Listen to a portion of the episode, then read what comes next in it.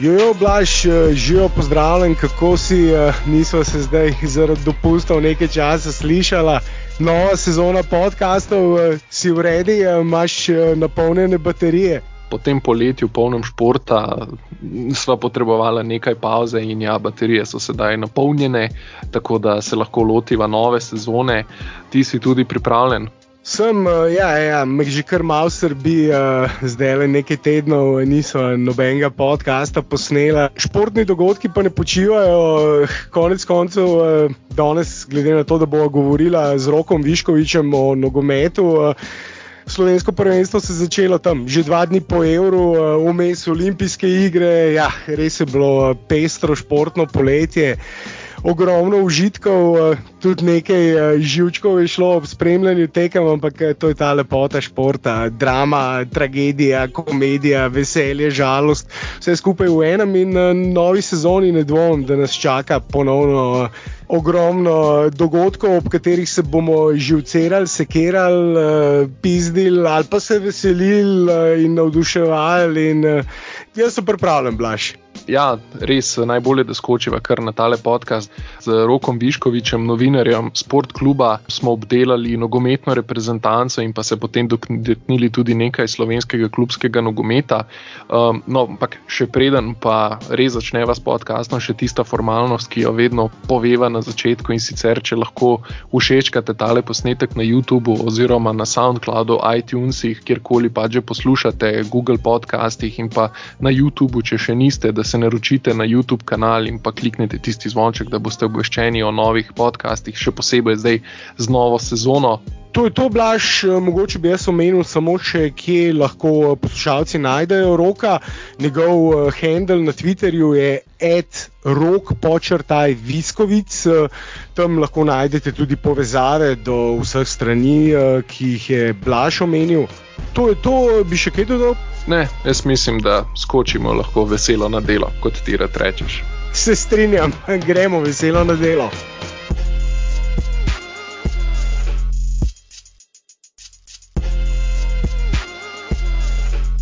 Rok, eh, lepo te je spet slišati, pozdravljen, živijo. Živijo, živijo, hvala za vabilo, tudi vaju je lepo slišati, da upam, da sem lepo pomenil. Ja, tem imamo kar nekaj, ne, sploh teh nekaj, aktualnih je se kar nabral. Ne, da, mm. ja, pozdravljen še v mojem imenu. No. Ja, imamo ogromno tem za obdelati, zato ker uh, gremo veselo na delo in začnimo. Uh, pa smo rekli, da bi začeli z reprezentanco, pravkar končanim uh, kvalifikacijskim krogom neugodnim porazom, verjetno pričakovanim, seveda proti Hrvatom. Ampak vseeno je mnoge navijače razočaralo, kako je slovenska reprezentanca izgledala na tej tekmi, eh, njena nemoč. Eh, in eh, to je po koncu tekme tudi selektor potem poudaril, povedal, da imajo v ekipi veliko težav in da je katastrofa, kako so izgledali. Jaz mislim, hm, da je mogoče še premehke besede, da so to mislili res katastrofalni. Res to je bilo od prve do zadnje minute, nas ni bilo nikjer. To je najslabša tekma pod Kekovim vodstvom v, v obeh uh, njegovih mandatih, definitivno. No. Predvsem pa glede na pričakovanja in, in glede na tekmeca, glede na to uh, zgodovino derbijev s Hrvati, glede na to stalno podarjanje, kako smo mi neugoden tekmec, uh, mi smo padali brez izpaljenega metka, kot pravi. Žalostno je bilo gledati Slovenijo. No. Težko zagledati, ja. res težka tekma za gledati in uh, težka tekma za slovenske navijače, predvsem za gledati za hrvaške. Uh, oni so bili pa verjetno navdušeni nad mojstrovinami svojih ljubljencev. Ja, oni so, mislim, Hrvati so leteli, sploh jaz sem bil v Splitu na polju iz tistega vrha stadiona, ki imaš pregled.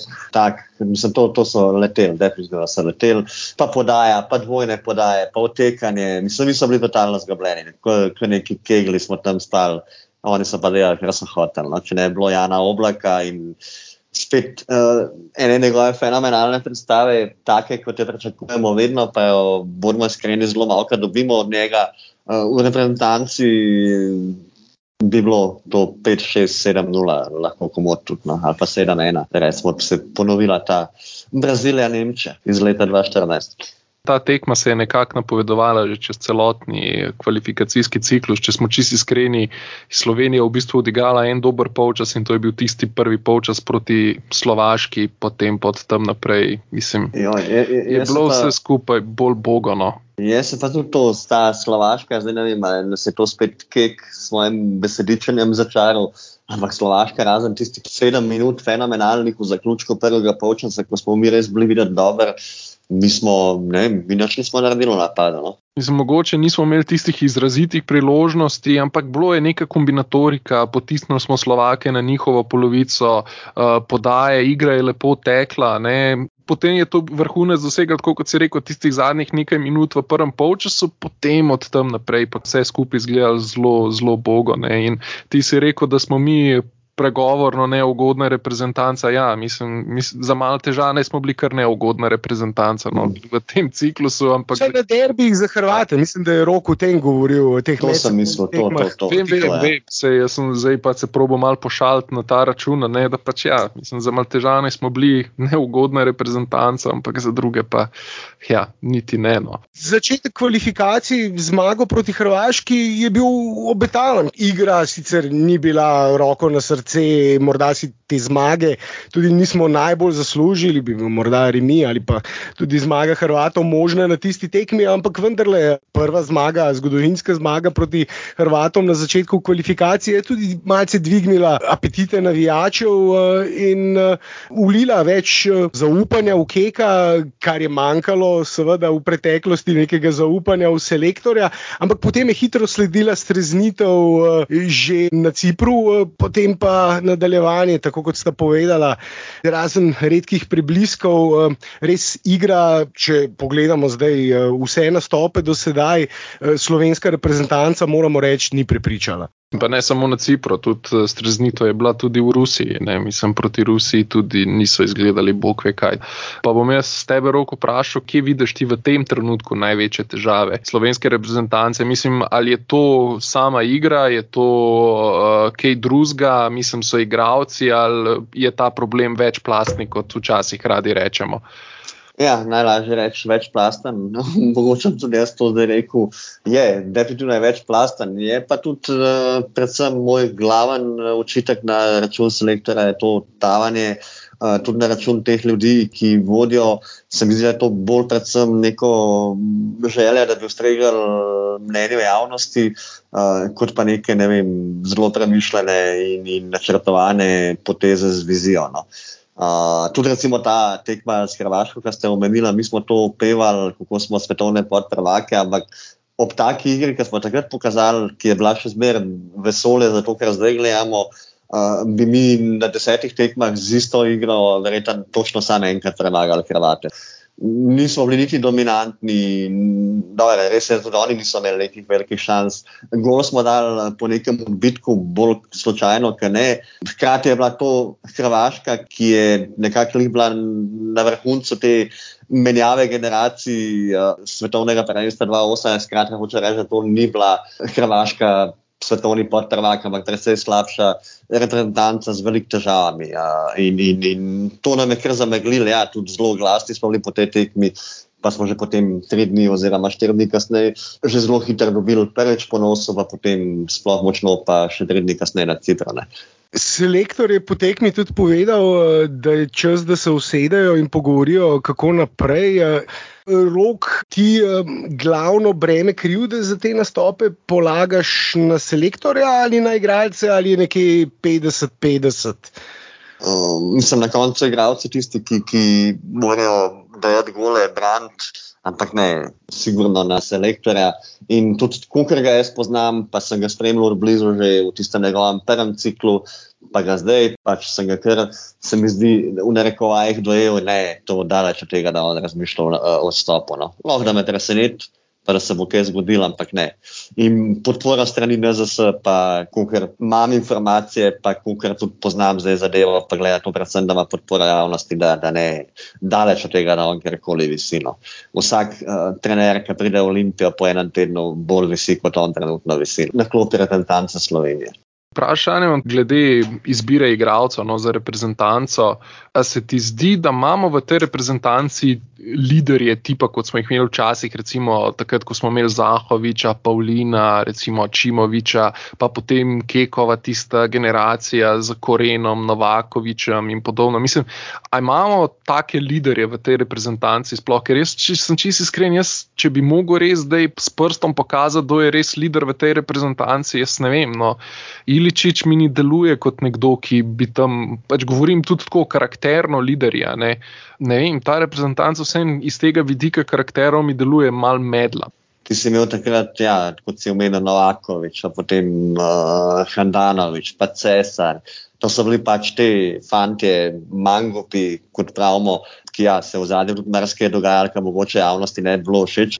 Ampak ne, na igrišču so pa to bili lideri in recimo Boštjan Cesar, jaz sem 100% da po petih minutah polnice tekme, ki bi on videl, kako to gre, bi najprej en faul tak naredil, pa ni važno, na nasprotni strani igralec uh, Hajduka Splita ali pa, ali pa Real Madrida dobil omen karton, uh, naslednjo potezo, ki bi dal, bi dal eno zaušnico svojih igralcev, no, če malo karikiram, ampak ne bi pustil, da, da, da, se Hrvati tako razletijo ali pa eh, San Marino ali pa Brazilija, kdorkoli.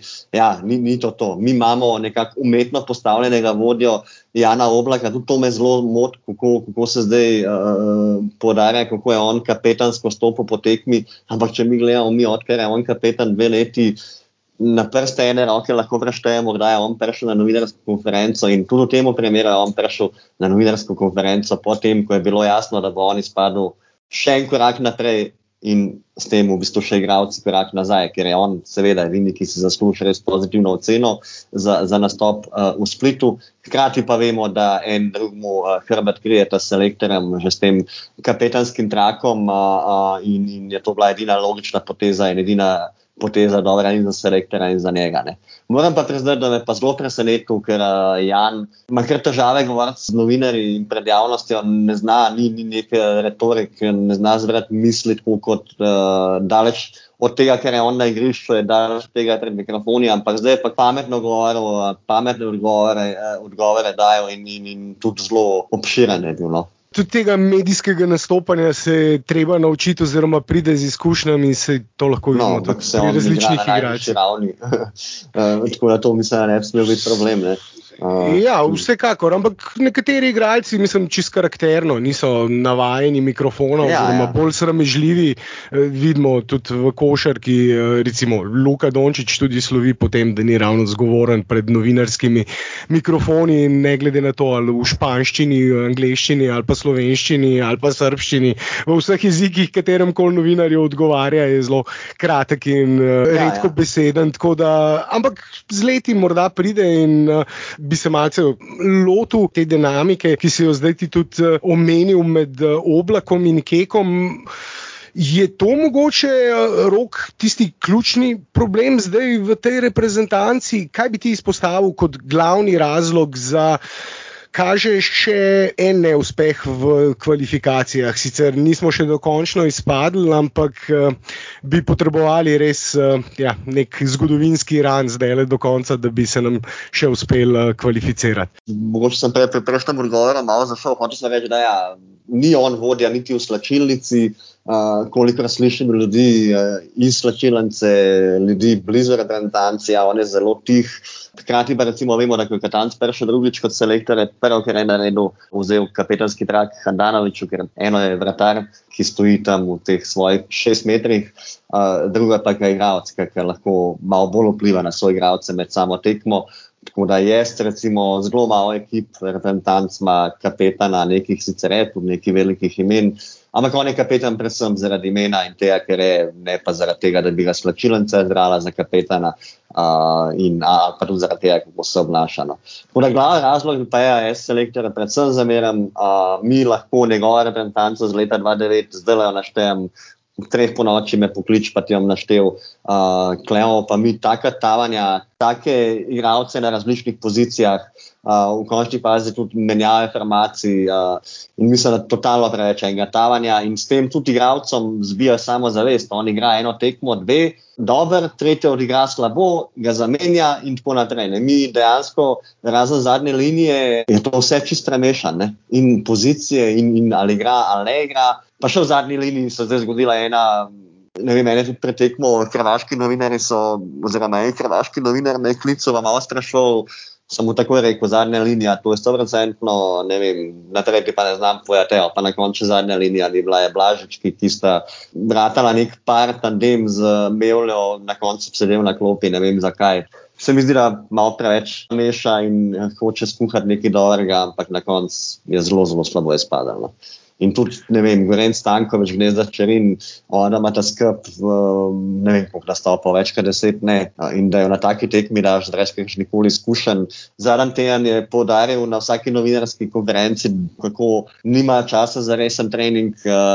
Ne vem, po tej logiki bi jaz nekako neke preverjene zadeve dal not. Pa tudi, ja, mi, mi ne govorimo o reprezentanci, ki izgublja že dve leti, ne. Mi govorimo o reprezentanci, ki je premagala pred pol leta eh, Hrvate, o reprezentanci, ki je premagala Poljake v fenomenalni tekmi, mogoče smo najboljši v zadnjih letih.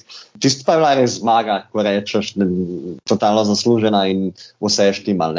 Tako da ja, totalno preveč tavanja. To naj bo zameran keku. To tavanje je pa verjetno spet z vidika nekega ogajanja javnosti mogoče nekih ne samo zavesti, že sam pri njemu, verjetno sam se več tudi ne zaupa in svoji izbiri. In jaz sem tudi slišal, da on še dan pretekmo na treningu ni vedel točno, kako pa kaj. Da je dejansko to postalo potem zjutraj nekako in da tudi mrzkoga v reprezentanci presenetil. Tako da, predvsem to bi rekel, da je razlog, da, da smo tako padali na polju in da, da bo še dolgo pekla ta tekma.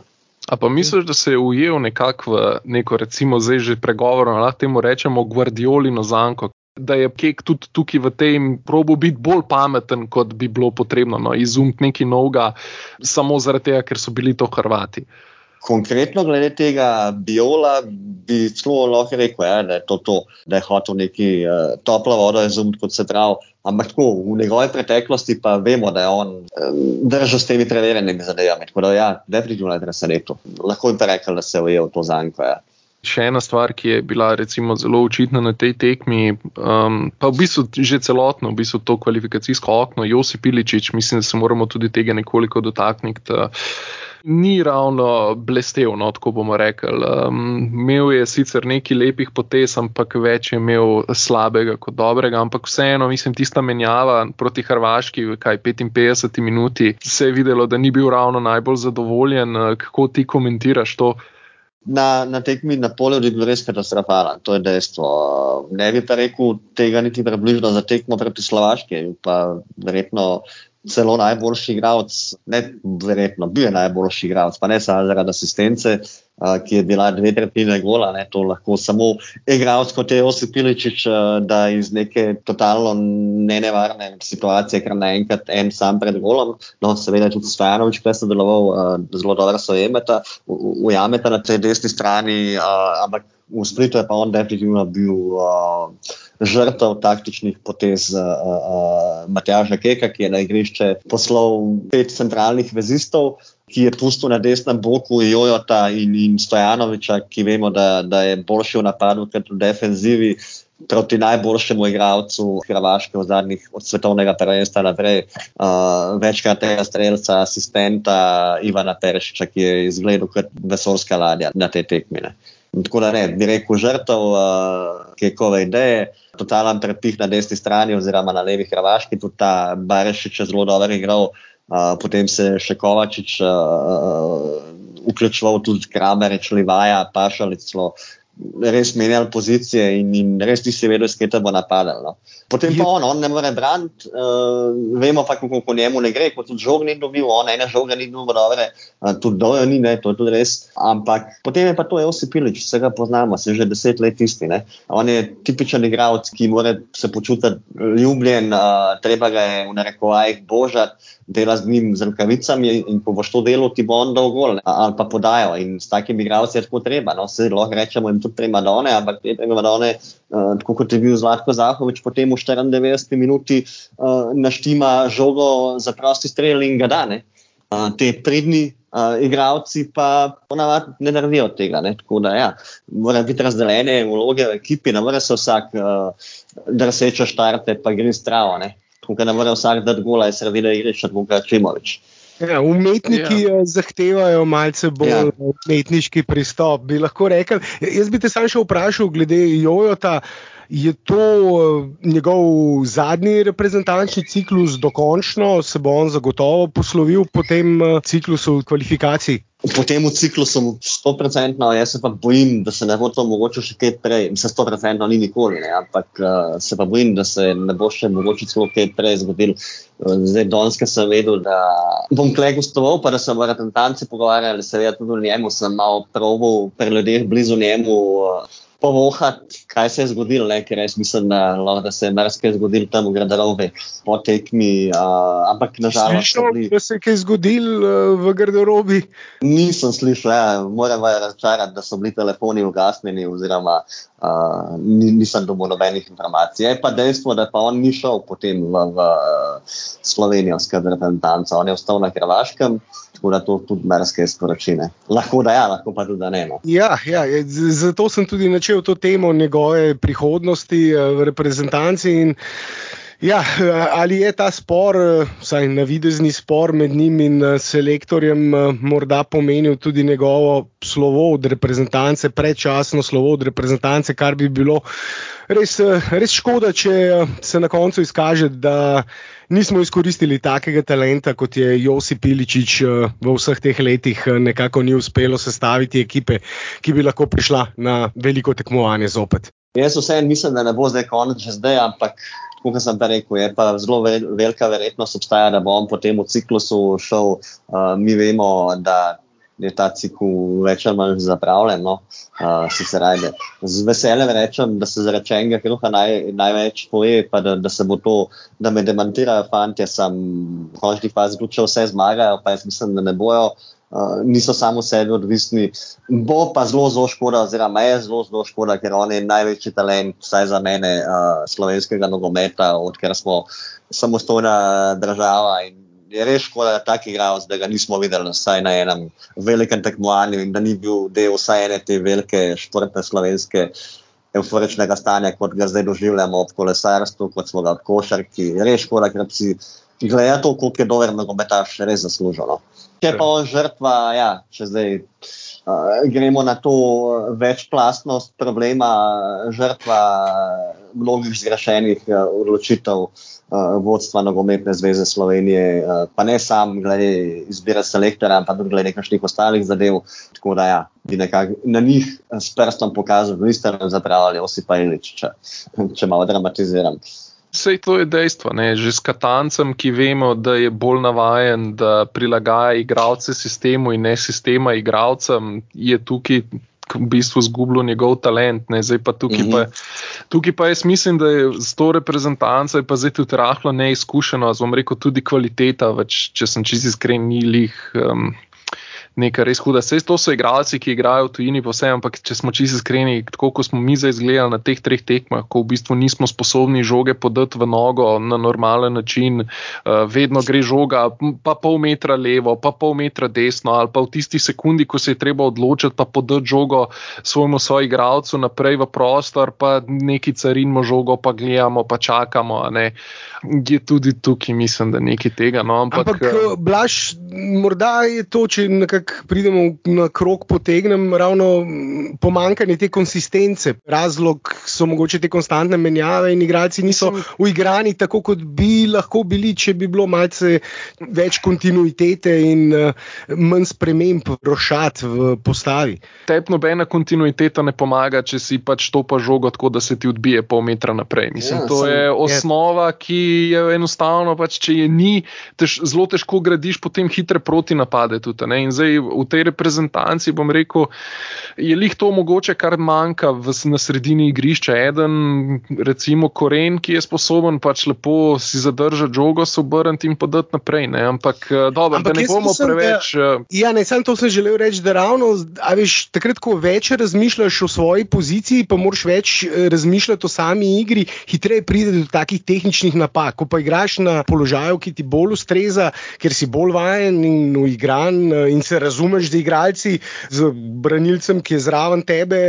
A veš, manj razmišljaš in je manj tehničnih. Ampak... Pač Zašto pa žogo, oprosti, pač, če te srednjo oči zbudijo, pa ti poda žogo, pa spoh ja, ne vidiš, okay, odkje ja, je. Res, pač moraš stopiti žogo. Pač to, pa podati pol metra žogo do svojega soigralca, pol metra stran, pač v noge, pač to tudi ne sme biti problem, če te srednjo oči zbudijo. Ne pričakujem, da zdaj tam Kurtič nabije žogo čez pol igrišča, tako kot recimo Pogba naredi in tam najde soigralca na milimeter natančno, ampak to so take osnovne stvari, a veš, prodaja tam en meter, dva metra, pa jo fali svojega soigralca. Jaz, jaz ja. se klej ne bi strinjal s tabo, Blaž, mislim, v, v, v, v, tudi recimo Benjamin Šeško, jaz zdaj v, v Splitu, se verjetno vsi strinjamo, da je res velik talent in dober nogometaš. Ja, mislim, to, je, to sem lih hotel naslednjo temo načeti, ja. ko smo bili lih pri Iličiču, zvezda se poslavlja, druga zvezda počasi prihaja, lih Benjamin Šeško, ne, ampak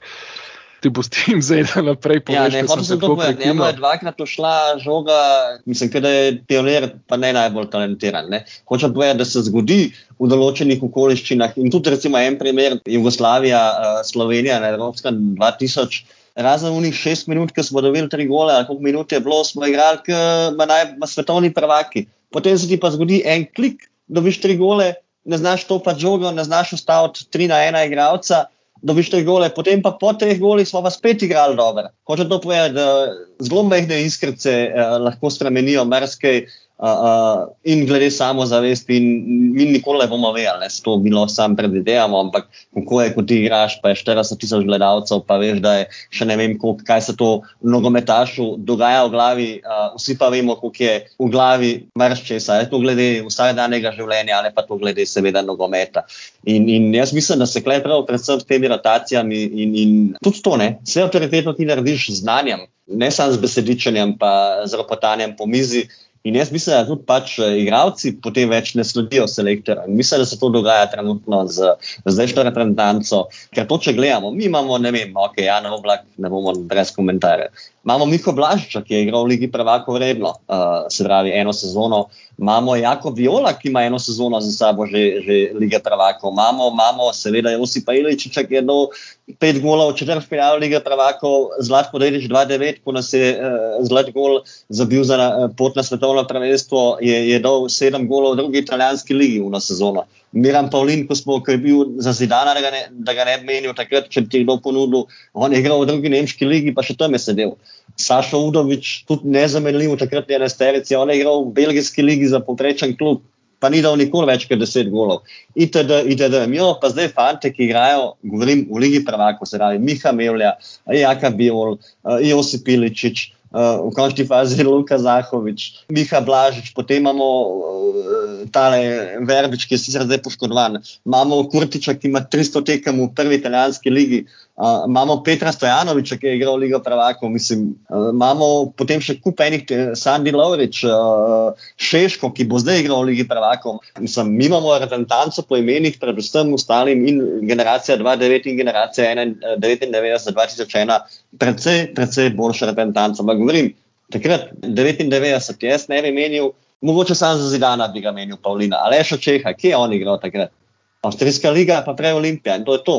Mi nismo imeli, a zgledali smo pa Milinovič, Knaus, ok, Knaus, edini je takrat bil. Zato so spet igralci, Japonska liga, pa Knaus, ok, Knaus je bil takrat v prvi nemški ligi, pa je bil daleč največji zvezdnik. Mi takrat razen če Zahoda ne upoštevamo, smo to bil praznik, ko je bil, ko je bil nogometaš v Ligi prvako. Plus te fante vsi igrajo.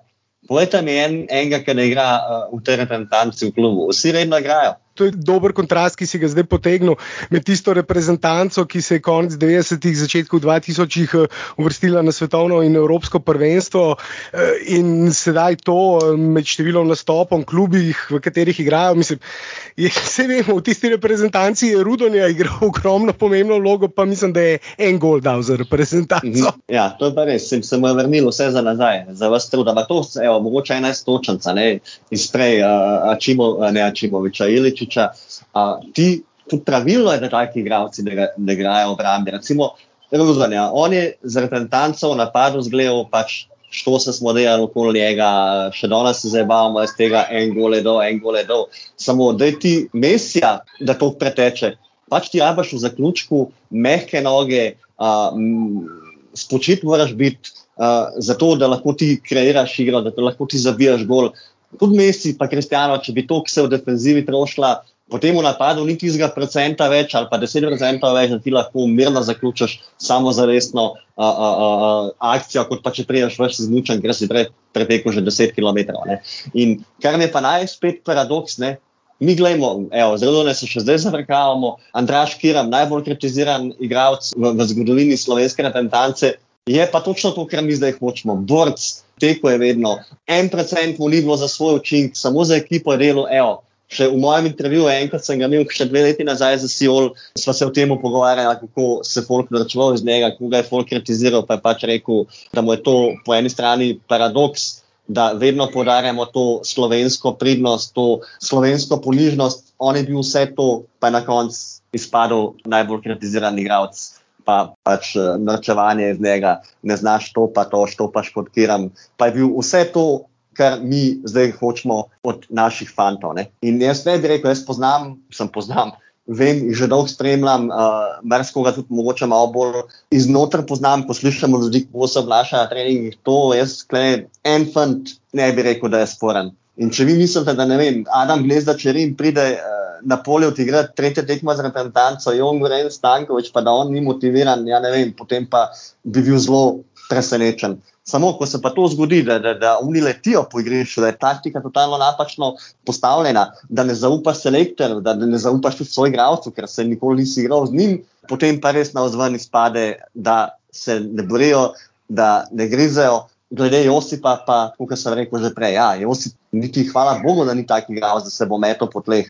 Ne on dela tiskar, mora delati, ne ima podporo, ne mu en krije hrbet. In to je to. Vse novako več tudi ni šprintu, pa, pa vsako drugo podajo, ker ni dobo točne dvigovne roke, ampak je prišla pa tekma, ki je bilo treba zabiti gol, je pa on zabil, ostali pa ne. Hvala Bogu. In dokler je tako, mili moje, prosta pot, vse se, dokler ima uni žogo zaradi mene. Sam da boš stal, pa dol gol, ko boš napadel. Mi smo pa itak mediji, pa zelo hiter, uh, itak keku jemo, jejo, bom rekel, no, jaz ne.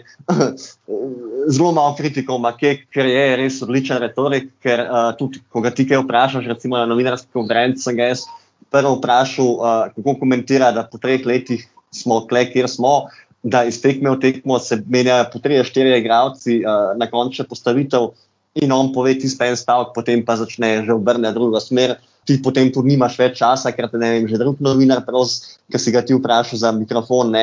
Tudi ta pandemija, mogoče zdaj malo za ta, ampak ta pandemija eh, je prišla prav v te reprezentanci, da so se totalno zaprli. Ti si včasih imel, si prišel na zbor, ko so se oni zdrali. Oni so prehajali iz svojih avtomobilov, ti si vsak galov za čopato. Zdaj, če ti ni hodilo, ti izjave, ti ni dal, zdaj imaš pa ti tisti medijski termin, ko igralec pride, obkrožiš deset novinarjev, časa imaš pet minut, po tekmi, novinarska konferenca, selektor, en igralec ali mogoče maksimalno dva. In spet je to, tudi igralec se ne odpre, tako kot če sem ga jaz potem v mix coni, ena na ena dubu, ne, tam nekje mogoče na koncu mix cone, pa sem ga vprašal sam, ker pa če je tam upeljenih deset kamer v njega, pa 30 novinarjev stoji pred njim oziroma sedi. Je tudi to čisto drugačna komunikacija. In da, da, da hočem povedati, da je ta pandemija zdaj še malo bolj prešla, uh, oziroma pa je to izkoristila in predvidevam, ko bo tega vsega konc, uh, bo kratko ostalo kot je. Tudi včasih si dobil telefonsko od cesarja, pa si ga poklical, pa je zdaj pa vedno, jo, je moram prek kluba, moram prek kluba. Razen če seveda nisi tako nakonektan, pa če tudi on tako veliko imel v svojem klubu, da lahko gre tudi mimo tega. Ali pa pač, če ti insiderske ali pa off-the-record zadeve pove. Samostalno je pa vse prek kluba, prek PR-ja, ti nimaš več tega kontakta, kot si ga imel nekoč. Ne. Uh, zdaj sem orang za ta, no, iz Ne, ne, za keka. Ampak, Tudi to je zelo zanimiva tema ja. in tema, ki bi mogoče celo svoj podcast zahtevala z blaženstva. Govorila tudi s Tilnom Jamnikom, ki je na olimpijskih igrah pokrival košarkarsko reprezentanco o težavah ja. pokrivanja novinarskega dela v teh COVID okoliščinah, v teh časih. Je res to še toliko bolj oteženo, že tako ni delo športnega novinarja, ki si res prizadeva za to, da dobi dobre informacije, ni lahko, zdaj pa še toliko teže. Um, govorili smo o Iličiču, ki se poslavlja, omenil je Blaž Šeška. Bi te vprašal samo še za domet tega talenta, ene redke svetle točke, recimo zadnjega kvalifikacijskega eh, kroga oziroma slovenskega nogometa, vsaj ko govorimo o reprezentanci, eh, navdušuje v klubu v Salzburgu. Eh, tvoj vtis po tem, kar je sedaj pokazal v reprezentanci in tvoje razmišljanje o njegovem dometu. Nekateri ga že kujejo v zvezde zelo visoko, je res tako dober in tak potencial?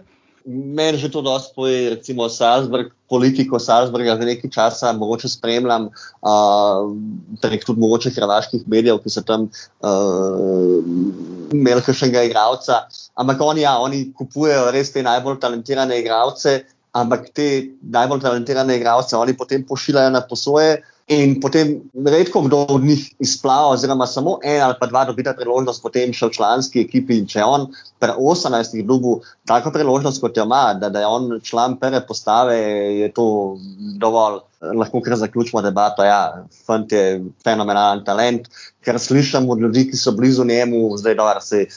Je nekdo v sponu, pa to se je tako vse sam najlepši, govori sam, da je zelo, zelo mrljiv fant, zelo priden, z dvema nogama na trdnih realnih tleh.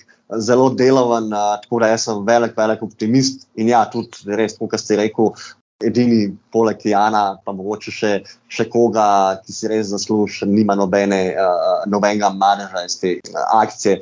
Ta njegov, dejansko edina šansa, ki je bila na, na, na polju uh, um, in si jo je samo v bistvu naredil, ko mu je dal uh, gnezda črn in poproti napadal tisto globinsko podajo.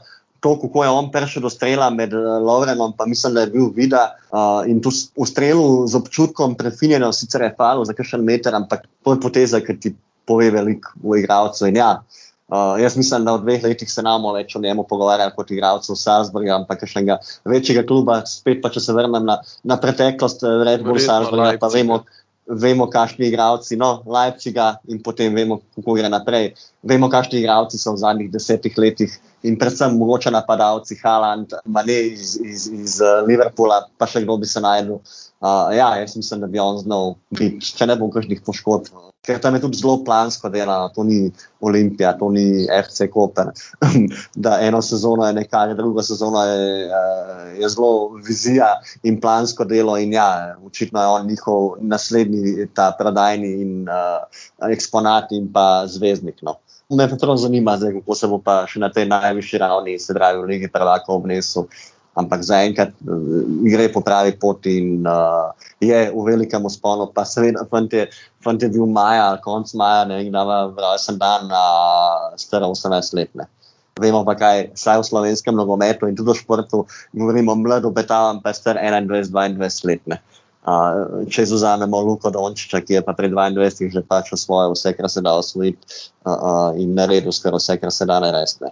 Pa še to sem mogoče pozabil, njegova glava. Ne priti na polju, pa v tem raztvoru, ker se je dogajalo, pač razpad sistema, vse nekaj pokazati, ti tudi dosti povene, da ne padeš, da ne daš glave dol. Uh, tako da jaz sem velik optimist in, in z nestrpnostjo čakam, kako se bo razvil njegov talent. Predvsem pa upam, da bodo tam tanci podprti uh, z, z nekim sistemom, podprti s svojimi igravci, podprti uh, strani selektorja, uh, in, in da bomo imeli kaj od njega, da ne bo šlo tako, kot smo nažalost ugotovili z Josipom Miličičem. Sicer ok, on je precej uh, starejši bil, uh, ko se je nekako postal pomemben člen te reprezentance. Ja, hvala Bogu, da je Kek postal prva postava, hvala Bogu, da ga tam tudi drži in upam, da ne bo po dveh, treh slabih tekmah vse usedo. Mislim, da je klej tudi selektor mora dati in uh, največ naredi, če brejame v igralca in mu da podporo pa tudi če dve, tri tekme odigra slabo, Mislim pa, da jih to napačno počne selektor Matjaš Kek, da s tem zgubljajo igralci na samozavesti. No. Treba je kriti hrbet, kako ga krije, recimo oblaku, uh, ne ga še ostalim, pa mislim, da bomo šli naprej. Če bomo šli v tej zasedbi, pa mislim, da bomo šli. No. Ja, ob vseh spremembah mislim, da noben navijač ni zameril uh, Keku, da je v prvo postavo, prvo enesterico uvrstil uh, nadarjenega Šeška. Ne, mislim, da ni. Je pa ravno to, kar sem omenil, da se Kek tudi uh, predvsej orientira po navijačih in v tri po navijačev. Vemo pa, da je bil zdaj Šeško, je zdaj uh, trending, kot bi se rekel na Twitterju. In uh, vemo, da v Stožicah so mu sklikali. Uh, Bi pa celo se mogoče bal, da, da, da gre to mrzkomu v nos reprezentanci, ne? da prideš praktično drugi zbor, oziroma prvi resen pa si jih v bistvu zasenčil.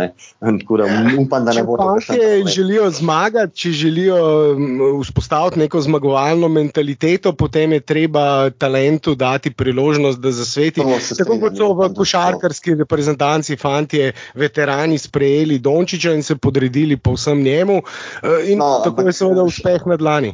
Šeško še veliko manjka do Dončiča. Ja, ja, ne, ne, ne, ne, ne želim zdaj direktne ja. paralele tukaj povleči. Ne, ne, če, če bo on delal to, kar dela Dončič, ali pa od tega, mislim, da ne bo nobenih paralel. Govorim zdaj, ja, ja. ko je še na čisto začetku. Ne. Ampak ja. ne, se verjamem, da, da, da so veseli, da so dobili in, in je seveda dobro to za celo reprezentanco. Tako da velik, velik talent in uh, z velikim veseljem uh, pričakujem, kako prenesla prihodnost glede njega.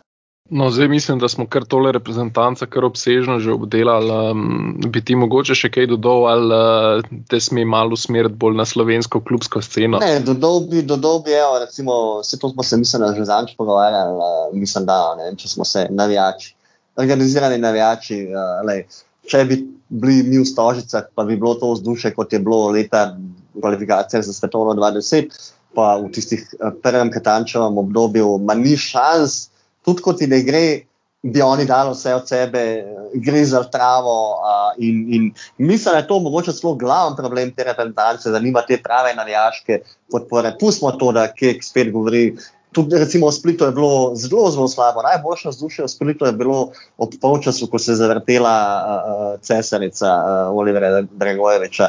Uh, ravno teren smo se začeli pogovarjati in posnetek mi prišel uh, pred oči. In, ja, slabo, slabo vzdušje je bilo, ker ni spet ni organiziranih navijačev, ni trcide na tekmah slovenske reprezentance, pa ok, proti Malti je bilo celo blizu 5000 gledalcev, ampak uh, noben pa ne pove, predvsem iz NZS-a pa je dal informacije, da je bilo tega 2000 otrok povabljenih uh, to zdaj govorim na pamet številko in seveda z njimi še njihovi starši pridejo, da uh, poslušamo napeve v dolini Tihi na tekmah slovenske reprezentance, da ko se začne Slovenija, Slovenija, to navijanje, ki ponase, ki se raznese čez cel stadion, to traja 5 sekund, ne. vemo pa že na tekmah klubskih, gremo v Maribor na vsako evropsko tekmo, to je navijanje od prvega do zadnjega uh, trenutka tekme in to je totalna druga zgodba ko ti dobiš gol, glavo dol in se ti cel stadion začne dreti, ni predaje, ni predaje, ampak to res dret iz žilnih petar, ko se reče. In to je ja. tisto, kar nam manjka, to je tisto, uh, se meni je čim več govoril, on, on v nam Bežigradu, on na koncu ni mogel živeti med tekmo, pa spomni čutil, da je utrujen, zaradi tega, ker je to tako ponesel. Eh, ta adrenalin v krvi, ko veš, da to niso ljudje, ki ploskajo, to so ljudje, ki se berejo od mladih do starih, od črnih do belih, od visokih do nizkih in, in res živijo s to ekipo, ki je na igrišču. In to je glavno, kar nam manjka, manjka nam pa zato, ker pač gre in nogomet. Uh, in za vse to posvojijo, oni bi imeli pač te NBA navijače, ki ploskajo, ki kašandrej skupijo, ki jedo kokice, ki mogoče celo kakšno pivo spijejo, če je to omogočeno, a, a, ni pa to tole, ni to ta ultra scena, ki prinaša mrske negativnega, samo v pravem dialogu, a, pa ni tle samo krivda NZS, ampak tudi krivda seveda teh navijačev, a, a, pa mogoče tudi preteklosti, pa kaj se jim je vse dovoljeval, pa kakšne privilegije so uživali, ampak bi se pa treba bilo delati na tem dialogu. Mene je predvsem mod, da na čelu z Matjažem Kekom je to vedno, ja, ja, to nam manjka, ja, jaz pa vred, da zaradi ta NZS tudi, ja, mi bi to navijaško vzdušje uh, vsi bi imeli to, noč pa ne naredi v tej smeri. Tudi ne vem, ko sem imel intervju z Novakovičem, da je prehajal v to vlogo zdajšno uh, v reprezentanci, tudi rekel, da bo vse naredil tudi on, da bi te navijače vrnili, pa mislim, da so to samo besede v zadju, pa mislim, ne mislim, vem, da se ne dogaja nič v tej smeri. In v bistvu sem se mislil že takrat junija, sem rekel, da sem malo pozabil. Tudi malo sem se potipal pri teh navijaških skupinah, pa sem rekel, se slišmo, oziroma dobimo avgusta, pa da mogoče eno temo na to naredim, sam potem vsem temu um, delu. Uh, za nami je nenormalno pestro, šprto poletje, ja. mi ni uspelo. Ampak imam pa to v načrtu uh, uh, uh, narediti v bližnji prihodnosti, pa malo to razčistiti, kaj se zdaj kaj dogaja v tej smeri, ali se ne, ali vi hočete navijače, ali jih nočete, ali se vi hočete vrniti, ali imate radi reprezentanco pa da se ne vem. Jaz upam, da se bo to popravilo, ali pa naj se pove, nočemo, mi hočemo navijače, ki bodo sedeli pa ploskali, dobro, pa se nalije čez gavina, pa gre tako naprej. No, v glavnem, spet dolgo ne znam, ampak mislim, da je to največji problem in da je tukaj največja rezerva, kje bi se dal. In tako, kot sem rekel, potem bi pa to igravci res dajali vse od sebe, ker bi jih ponesel, uh, potem bi bili mogoče rezultati, potem tudi kek ne bi menil in potem bi to bila spet lepa pravica in bi lahko kek uh, brestev na novinarskih konferencah, pa bi mu mi celo ploskali ob tem. No, mogoče še en detajl, uh, ne vem, se sem tudi v enem članku napisal, ampak kako pa Hrvati dojemajo Matjaža Keka, to je pa neverjetno. No? Mislim, da si v bistvu tudi uh, kot slovenc skrb ponosen.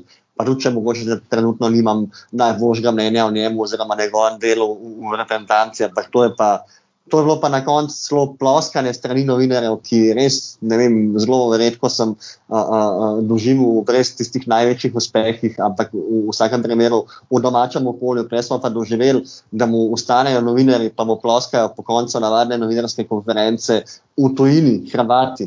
Vsazga spličana pa ni bil na splitu, ali je bil na reki, ki si ga vprašal, kot da bi ga sprašal o Zinedinu Zidanu, uh, poklon do poda, Matjaš Kek, sanjajo, da bi vi hteli, da je on trener nekaj Hajduka, uh, nadam se, nadam se. To je bilo res sami hvalospevi, ene slabe stvari. In, in pa že tudi pri postavljanju vprašanj novinarjev, vidiš, da je to tako spoštovanje, taka reklama za slovenski nogomet, da je z, te, z tega vidika pa a, poklon do dna Matjažu Keku in res to, kar je on naredil v hrvaškem nogometu. In tudi pretekmo ni bilo Iličič, oziroma sem pa kaj, pa ovlak, bilo je predvsem, kaj nam pripravlja Matjaški, najbolj so se njega. Glavni zvezdnik, ja. Tako, ja. ja na ja. Hrvaškem je na reki, predvsem eh, je pustil res globok pečat v ja. hrvaškem nogometu, klubskem.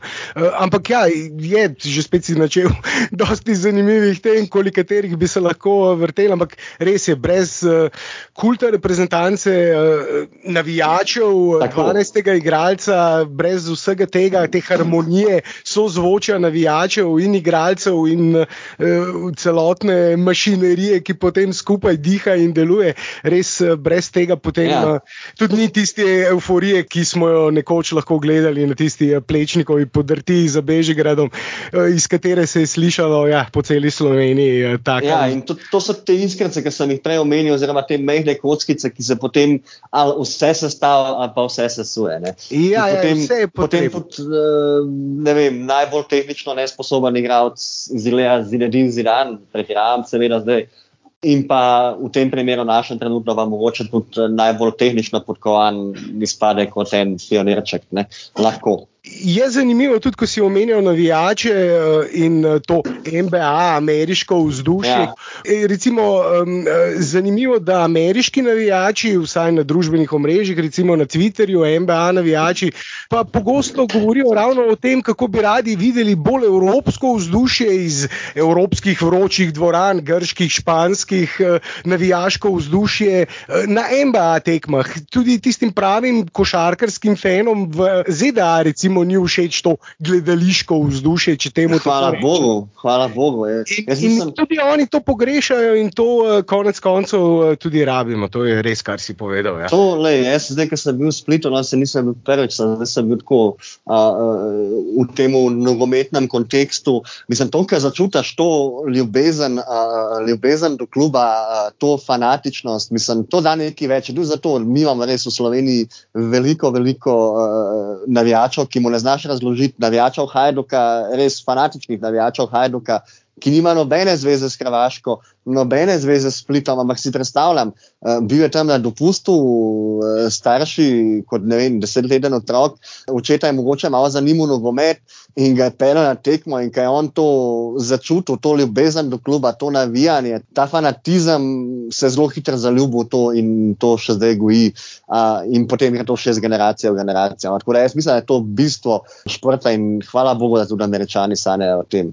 Ker meni ta navijaška scena, jaz sem sicer bil uh, nekaj časa tudi uh, navijač uh, Slovana, Red Tigers, uh, sicer čisto mehna skupinica, uh, ampak vseeno to, to se mi zdi, da ta ultra scena uh, daje tisto draž, čeprav prinaša marsikaj negativnega. Ja, ampak v enem pravem dialogu, to je to. No, mislim, to tudi potem ustav del občinstva potegne, uh, tudi oni so, znajo navijati, vodijo navijanje celega stadiona in to je to, kot ti gledaš, ne vem, Boca Juniors, uh, uh, kot ti ne vem, ne vem, mene en, enkrat razlagal, ko je bil na bombonjeri. Uh, človek, ki pojma nima v futbalu, ki ga sploh ni zanimal, ampak je pač bil tam v Argentini, v Buenos Airesu in, in, in je to velik dogodek in ga je en friend pa, uh, pelil.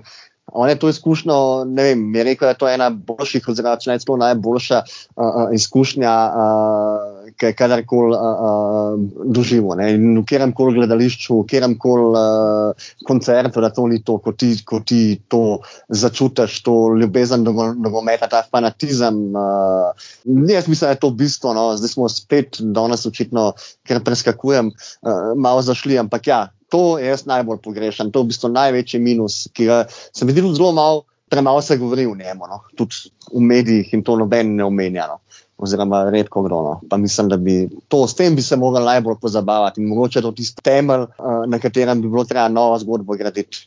Ja, se ne bi mogel bolj strinjati s tabo, no. ker uh, to je tisto, kar nam manjka. Tako kot si omenil, pač slovenski navijači, mi smo pripravljeni navijati, deremo se lahko celo tekmo, ampak uh, na takih stvareh, kot so nogometne tekme, kjer je res veliko ljudi, pač potrebuješ nekega liderja, ki to spodbuja in to so pač ponavadi organizirani navijači in tisti so, ki potem to vse skupaj vodijo. In, uh, spet smo prišli do tega, da so problemi slovenske reprezentance večplastni, nekaj ja. smo jih eh, danes eh, predelali, nekaj bi jih še mogoče celo morali, ampak.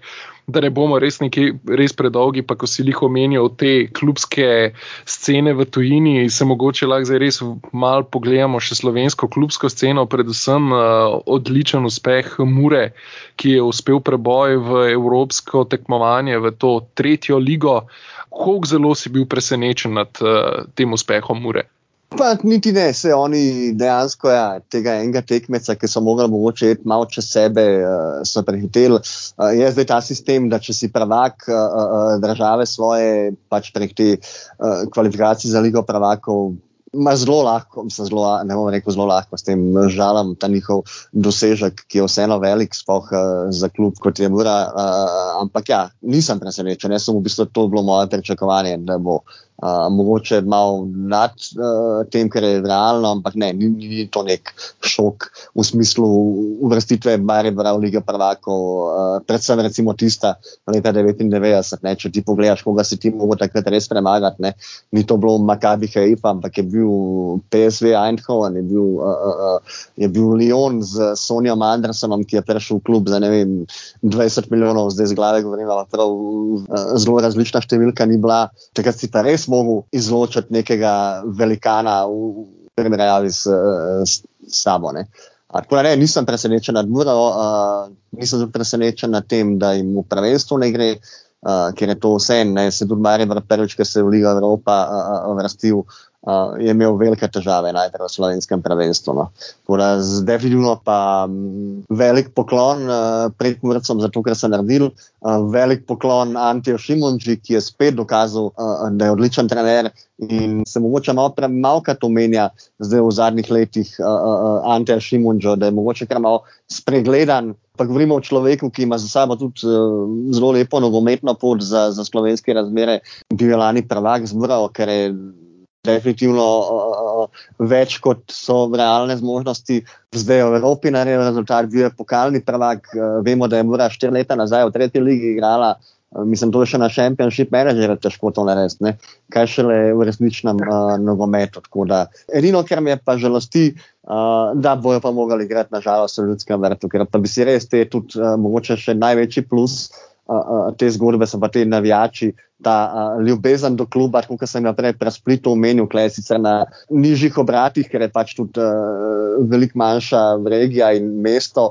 Uh, ampak zelo, zelo mi je žal, da ni v tisti fazaneriji, da ne bojo gostovali te za slovenski nogomet, uh, definitivno zelo ugledni evropski gosti. Vemo, da pridajo za evropske razmere kar renomirani nasprotniki in -hmm. tudi Tottenham. Tako da me zanima, kak se ti zdi, da je njihov domet tukaj. Mislim, točka. Ali bodo brez točke zaključili to popotovanje? Ne, jaz mislim, da bodo brez izgubljene točke napredovali. Seveda se hecam. Uh, ne, jaz mislim, da bo zelo. zelo Sem mislil, to pa je hot take.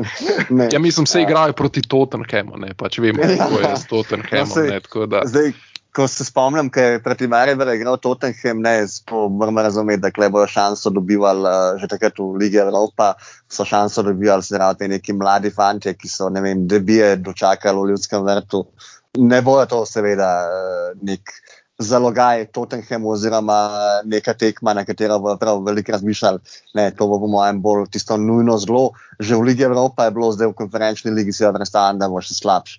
Ampak ne, že ime Tottenham, že tudi jaz, tudi njihovi mladinci ali pa pač te neki igravci, ki, ki niso glavne figure ali pa kakšni, ne vem, povratniki po poškodbah je to vse tako kakovost, da ja, se mora na vrh preverjati. Predvsem pa te izkušnje. Jaz mislim, da se bo njim kar precej zaradi teh imen tresle noge, recimo konkretno Tottenham. Tako da ne, nažalost nisem optimist.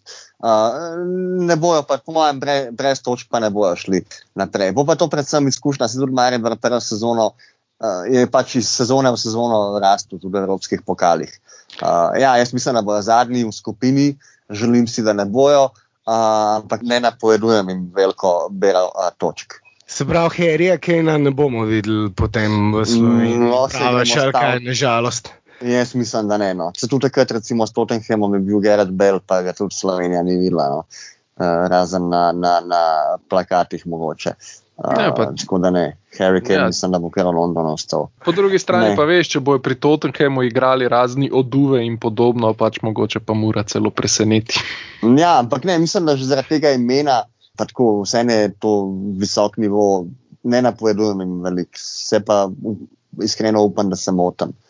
Pa mogoče zdaj, če razen Blaž nima še kaj eh, v Muri in uh, njihovem evropskem uh, po potovanju, ki jih čaka, lahko še malce samo na trenutno stanje v slovenski ligi, v prvi eh, ligi. Obrnemo te slučajno, ki na lestvici preseneča, odigranih je že bilo sedem krogov, no, vodilni Koper je uh, odigral šest tekem do zdaj, ampak eh, ima tri točke prednosti pred Bravom na drugem mestu, tretje mesto trenutno zaseda Olimpija, enako število točk kot Maribor, na petem mestu potem Mura, za katero si že povedal, da te ne presenečajo slabše predstave, kar je res uh, za te manjše klube dosti večji napor, igrate Evropo in uh mhm. -huh. domačo prvenstvo, potem še šesto tabor, eh, sedmo celje, potem domžale, eh, radomlje na devetem in aluminij na desetem mestu, trenutna lestvica.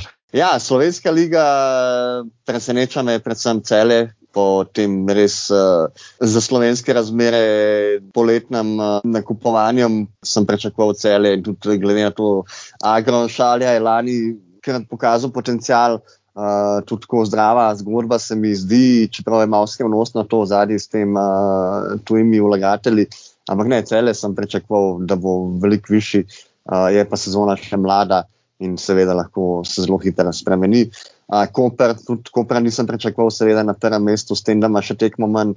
Uh, Ustalo me pa niti ne preseneča, to, da ima Maribor težave, to, da so turbulence v Olimpiji, Uh, to, da domžale so tudi precej nizko, uh, mogoče še tudi manjše presenečenje, ostalo je pa vse, malo mini tabor, pol pri koncu lestvice, mene ne preseneča. No. Tako da kar pričakovano minus uh, to celje in pa mogoče do neke mere uh, domžale, pa seveda to, da bo Koper na vrhu, tega nisem pričakoval. Vsega pa pričakoval pri vrhu. No. Je pa to zdaj šest tekem, oziroma sedem tekem za nami in bo še dolga sezona. Se vemo, lani je bil komplet celo po 11. krogu ali 10. vodilni, na koncu je pa par minut manjkalo, pa bi spadal iz lige. Ne. Jaz se vedno spomnim, ko smo mi takrat snemali podcast, tistih par krogov pred koncem, ko smo ja, se pogovarjali, kdo bo ja. prva. Ko sem jaz edini rekel, da bo mura. No, vidiš, da mi lahko zdaj malo napoveš, no, vam še ne evro vložim. Ja, jaz predlagam še enkrat na muro. E, ne, ko se dobimo na pijači, to pomeni, da blaš časti. Ja. Zmenjeno. No, še to, ja, muro sem pozabil omeniti, ki je kot prvak trenutno šele pri osmih točkah, s tem, da je zdaj v bistvu v tej zaostali tekmi prešla, se zaostali prekinjeni tekmi prešla do novih točk. To me tudi ne presreča, no, glede to, da mora ni vajena igrati res evropske sezone, se pravi to. Govorimo o pravi evropski sezoni, ne o dveh tekmah ali pa celo lani v tem COVID-u po eno tekmo. Ampak ja, v Sredavi oni so odigrali že osem tekem evropskih, pa še šest jih čaka, ne, to je ta prava evropska sezona. Ja, ne, mora, mora bo imela še vrnih težav zdaj. No. A, tako da bo kar mogla se potruditi, da na koncu prek lige pride do Evrope v naslednji sezoni, mogoče celo prek pokala. Ne. Ja, in eh, zagotovo bomo, tako kot si rekel, prvenstvo bo še dolgo, tako da bomo se zagotovo še slišimo in bomo še kakšno rekli, eh, potem, ko bo več znano. Najlepša hvala, Rok, da si si eh, zopet lahko vzel čas za pogovor z nama. Vedno čas zelo hitro mine, tako da se že veselim naslednje debate in upam, da se ja, čim prej zopet slišimo. Ja, hvala vam za vabilo. Um, pozdrav vsem poslušalcem. Res je zelo hitro minil, spoh, um, koliko je že eno uro, pa se mi zdi, da smo se lahko začeli. Uh, se pravi, čujem, da me kdaj danes, ker uh, sem se razgovoril, pa me odnesel, uh, mogoče še nismo delali vse. To so podcasti, to je, uh, to je čar podcastov. um, mogoče nismo vsega obdelali, kar ste hoteli se pa z veseljem odzovem povabilu, ko uh, se bomo lahko mogoče pogovarjali o teh zadevah, ki smo jih danes spustili. Uh, ja, drugič sem zdaj bil gost in uh, z veseljem bom še tretjič, četrtič, pa tudi še pol naprej, če bo treba. Uh, še enkrat pohvale za dobro delo. Uh, in pa seveda upam, da, da se bomo naslednjič, ko se pogovarjamo, spet v reprezentanci pogovarjali, ampak predvsem o tem, kje bo Slovenija zbirala svoj uh, kamp uh, za nastop na velikem tekmovanju, se pravi, pripravljalni kamp. Sicer to ne bo naslednjič, ki se slišmo, se ja, bomo upam. prej še večkrat slišali, mislim, da, ampak upam, da bomo lahko tudi uh, kakšen napovednik za kakšno veliko tekmovanje skupaj posneli. To bi bilo tako, kot smo za olimpijske igre in je bil užitek debatirati o košarkarski reprezentanci na olimpijskih igrah, je vedno največji čar, vedno ko basket ali pa saj za me, no basket ali pa futbol na velikem tekmovanju reprezentanca. V nobeno zadevo ne padem to, kot padem v tole. Ja, jaz upam, da smo še kaj prej slišali, ja, da me boste še kdaj povabili, še prej se to zgodi, da se mi vrstimo na, na veliko tekmovanje, ker Definitivno. te kaže, da je še nekaj časa do takrat. Uh, ja, želim pa si, da se bomo nekoč lahko tudi o tem v kontekstu reprezentance pogovarjali in da bomo to še dočakali, prej bomo starčki. Da, ja, jaz verjamem, da bomo. No. Ja, upajmo, upajmo, upajmo. To bi bilo fantastično. Ja. Vsi že težko čakamo, vsi smo v bistvu mislili, da bomo prej kot dejansko bomo zopet videli slovensko reprezentanco na enem velikem tekmovanju, ampak ja. Tudi jaz, tako le, malo spremljam kolege, ki ali spremljajo košarko, ali, ali kolesarstvo, ali smočarske skoke. Sem malo včasih zavisten, da, da tudi jaz ne doživim po več kot desetih letih, zdaj še eno tako res tisto vse nacionalno športno euforijo zdravi od znotraj, kot novinar, kot eh, človek, ki je tam zraven. Tako da sem ja, ker malo včasih uh, uh, ljubosumen in upam, da mi končno enkrat da treba biti več, pa da tudi jaz to kot novinar po dolgem času doživel, po letu 20 na zadnje. To ti v bistvu vsi navijači prvošijo, ker to pomeni, da bo slovenska reprezentanca seveda igrala na velikem tekmovanju in to vsi upamo. Najlepša hvala še enkrat, rok in se slišmo. Upam, da kmalo zopet živijo. Hvala, lepo zdrav, čau. Dio.